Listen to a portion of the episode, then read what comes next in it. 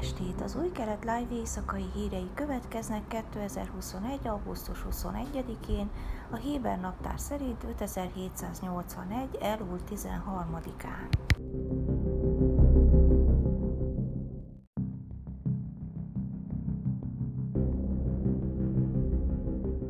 Hatodik Mohamed marokkói király levelet küldött Jécák hercog elnöknek, amelyben reményét fejezte ki, hogy az országok közötti megújult kapcsolatok ösztönözni fogják a regionális békét, közölte az elnöki hivatal pénteken. A levélben a király megköszönte hercog írásos üzenetét, amelyet Jair Lapid külügyminiszter adott át marokkói látogatása során két hete. Megjegyzendő, hogy a király nem adott közvetlen választ hercog meghívására az izraeli látogatással kapcsolatban. Örülök a két ország közötti kapcsolatok helyreállítása érdekében tett lépéseknek, meggyőződésem, hogy ezt a rendületet fenntarthatóvá kell tennünk, annak érdekében, hogy elősegítsük a béke kilátásait a régió minden népe számára, írta Mohamed király hercog hivatala szerint.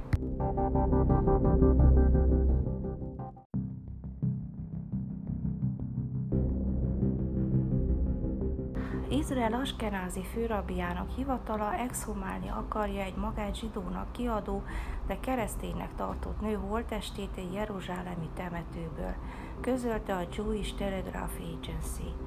David Lau Askenázi főrabbi egyik vezető képviselője júniusban vázolta a tervet, miszerint exhumálják, vagy alternatív megoldásként kerítsék el a nő sírját. Az Orlachim szervezet, amely az izraeli keresztény hittérítés ellen próbál fellépni, a héten tette a Facebookon a főrabbi álláspontját, amelyet a Rafael Altmar rabbi fogalmazott meg. Az exhumálás extrém intézkedés a zsidóságban, mivel a zsidók úgy vélik, hogy a halandó maradványait nem szabad megzavarni.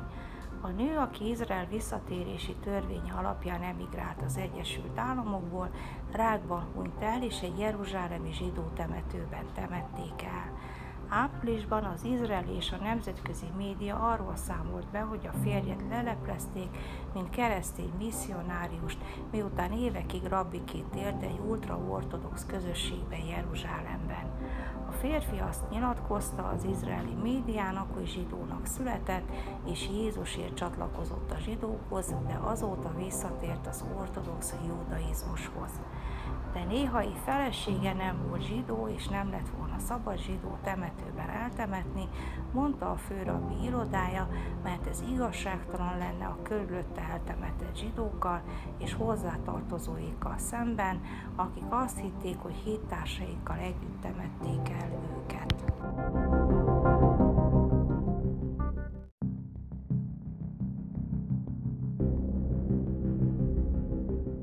További hírek.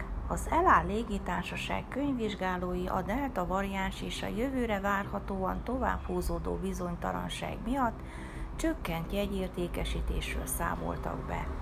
Egy éve Kenny Rosenberg amerikai befektető nevében először fia Eli Rosenberg vásárolta meg a csőd álló nemzeti légitársaságot, majd édesapja aliázott, hogy csatlakozhasson a cég irányításához és részvényeinek kezeléséhez. Az elál akvizíció és a jelentős tőkebefektetés, illetve az 1900 munkavállaló leépítése ellenére a vállalat elmúlt egy éves közzétett számadatai jelentős veszteséget mutatnak. A légitársaság nettó 80 millió dolláros veszteséget könyvelt el az idei második negyedévben, szemben a 104 millió dolláros 2020 második negyedévében jegyzett veszteséggel, miközben az első negyedév bevétele 222 millió dollár volt, szemben a 2020 hasonló időszakára eső 151 millió dollárhoz képest. Az elál piaci tőkéje 563 millió sékel, ami 40%-kal alacsonyabb a Rosenberg által tavaly szeptemberben vásárolt 40%-os részesedés értékénél, ami összességében 200 millió sékel veszteséget jelent. A légitársaság könyvvizsgálói arra figyelmeztettek, hogy a vírus delta mutációja a kereslet visszaesését okozta, ami többek között a jegyek értékesítésének visszaesésében is kifejeződött, és a pénzügyi szakemberek előrejelzése szerint eltérés várható a vezetés korábbi feltételezéseivel kapcsolatos, a jövő évre tervezett visszatérés mértékét illetőleg. Mindezen körülmények ismeretében az eláll vezetése kérte a pénzügyminisztériumot, hogy halasszák el a július végére tervezett 105 millió dolláros nyilvános részvény ajánlattételt, amelyet a légitársaság eredetileg az állami támogatási csomag részeként vállalt, és amely során Kenny Rosenberg kötelezte magát, hogy további 40 millió dollárt fektet a vállalatba, azon a 160 millió dolláron felül, amelyet már beinjektált. Az LA 210 millió dollárt kapott az izraeli kormánytól a biztonsági személyzet utaztatásáért, megelőlegezve az elkövetkező 20 évre. Ugyanakkor a cég vezetése a pénzügyi kimutatásban hivatkozott a delta variáns miatt kialakult helyzetre, és hangsúlyozta, hogy több pénzügyi segítséget vár el az államtól, utalva az eláll külföldi versenytársaira, akik támogatásokat kapnak kormányaiktól, és ami tisztességtelen versenyelőt biztosít számukra.